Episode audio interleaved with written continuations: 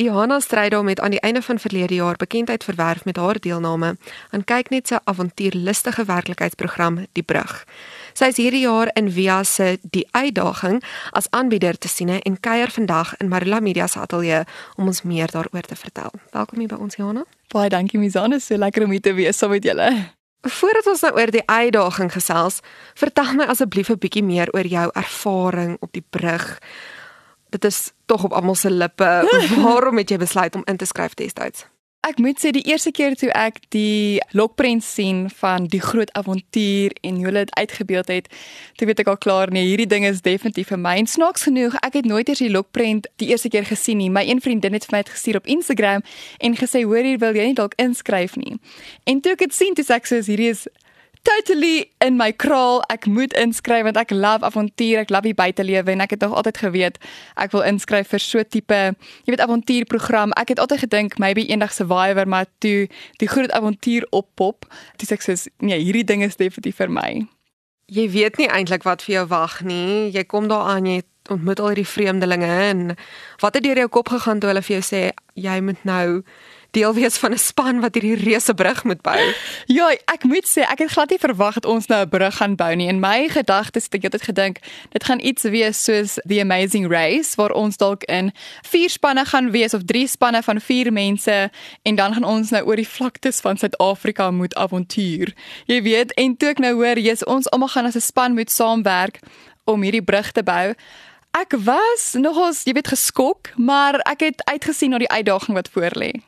Jy is iemand wat nogal vriendskappe gevorm het in die proses. Het jy nog steeds enige van daai vriendskappe oor? Ek het inderdaad, ek moet sê die mense wat ek ontmoet op die brug was of is wonderlike mense. Um, ek en Tina is nog steeds baie close.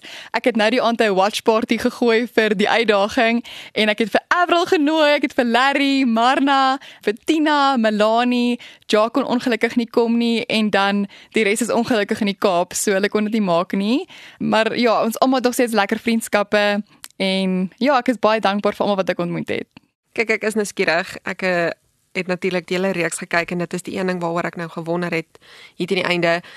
Hoe het julle gevoel toe julle nou self oor die brug stap en jy kom by Rob uit en hy sê vir jou Skus, ek het nou ongelukkig nie vir jou 'n paar rand hier nie. Hoe het jy gevoel en dink jy as jy die een sou wees wat oor sou stap, dink jy dat jy dalk dieselfde sou doen?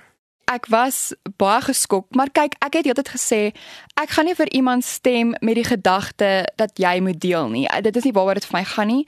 Ek wil vir jou stem in die sin van hoe jy bygedra het tot die bou van die brug en wat jy vir die span beteken het, nie of jy gaan deel of nie. En dieselfde geld vir my ook. Ek wil nie hê mense moet vir my stem omdat hulle weet ek gaan deel nie. Dit is nie waaroor die brug vir my gegaan het nie.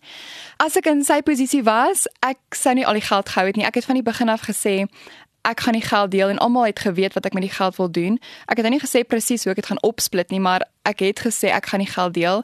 Maar wat ek sou doen is is ek sou vir my 'n winnerskat gevat het van 400 400 000 en dan sou ek vir Tina 200 000 gegee het want ek weet hoe baie sy dit nodig het en haar kinders en sy's 'n enkel ma wat mense moet grootmaak, jy weet. Um, en almal met universiteit toe gaan en skool, so baie lê nog vir haar voor en sy's 'n enkel ouer. En dan natuurlik my alliance met uh, Robin Hugh draak baie by, maar op daardie stadium sou ek geweet het hulle die geld gesteel in die begin. So ek sou nog steeds vir hulle 'n kat gegee het. Ek sou 25000 dan vir elkeen gegee het ekstra. So hulle sou elkeen 75000 rand gehad het en dan die drie spelers wat oorbly, sou elkeen 50000 gekry het en dit is dan die split van die 800000. Hoe het dit gebeur dat jy nou op nog 'n program beland het? So, hoe dit plaasgevind het is ek was eintlik in 2022 toe ek my heel eerste program aangebied op SABC2. Dit is al my loopbaan in die TV eintlik maar begin het. Dit was 'n wild card en ek is baie dankbaar vir die ervaring want van toe af kon ek sien hoe ek my bruggie gebou het en hoe ek die leertjie geklim het. Van toe af het ek al 'n idee in my kop van iets wat ek graag wil doen in die TV, 'n oulike konsep soos die uitdagingsin.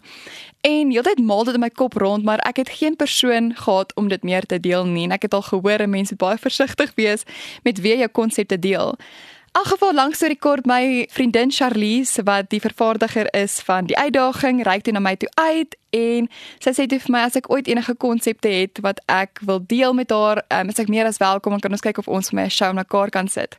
So langs die rekord ek pitchte die idee aan haar en sy love dit toe, maar sonder haar en Michael wat nou die regisseur is ook van die program, sou die uitdaging definitief nie gewees het wat dit is vandag nie. Hulle het die idee en die storielyn gefine-tune en um, ek dink ons is 'n resultaat van baie goeie spanwerk. En dis ja, dis hoe dit gebeur het dat die uitdaging nou plaasgevind het. Sê vir my wat staan vir jou uit as hoogtepunte in hierdie hele proses van vervulling van die uitdaging? Die hoogtepunte was definitief om saam met goeie vriende saam te werk. Dit was on hulle dit die hele reis baie lekker gemaak. En dan natuurlik al die uitdagings wat ek moes doen. Almal staan vir my uit. Daar's natuurlik 'n paar wat lekkerder is as die ander, maar ek het nog nooit in my lewe geskydive nie. So dit was een van die grootste hoogtepunte op die uitdaging. Nou vir luisteraars wat nou hierna luister en nie weet waaroor die program gaan nie of wie op die program te sien gaan wees nie, wat die uitdagings is wat jy aanpak nie. Vertel hulle net so 'n bietjie meer daaroor. Okay ja, so die uitdaging is basies ek wat die avonturier wat 10 bekendes uitdaag om 'n adrenalienbelaaide aktiwiteit saam met my aan te pak. Dit is 'n storie wat 'n mengelmoes is van opwinding, om emosie uit te kry, om die celebrities se stories te vertel en om ook 'n inspirasie te wees vir ander mense. Jy weet, ek dink baie mense, baie van ons sit met hierdie vrees en is te bang om goed te doen en vrees hou ons baie terug in die lewe. En ek wil graag hê dat die uitdaging, alhoewel ons almal wil graag hê dat die uitdaging half 'n inspirerende storie vir ander moet wees om te wees soos okay, Ons is nog steeds bang, maar ten spyte van die vrees kan ons nog steeds die goed doen waarvoor ons lief is en jy weet daai berekende risiko neem. En dan is daar baie opwindende uitdagings wat ons aanpak. Goed soos ons het gaan resies jaag met die AMG karre, ons het gaan shark cage dive, air gliding, zip line, ons het gebungee jump, ons het die sky tour gedoen by Bloukrans, ons het geparaglide, ons het geabseil. Wat was er nog? Ziplining 4x4 duning, Maar dit was great en dan bekendes wat te sien is. Ek vergeet altyd een, maar vandag gaan ek almal onthou.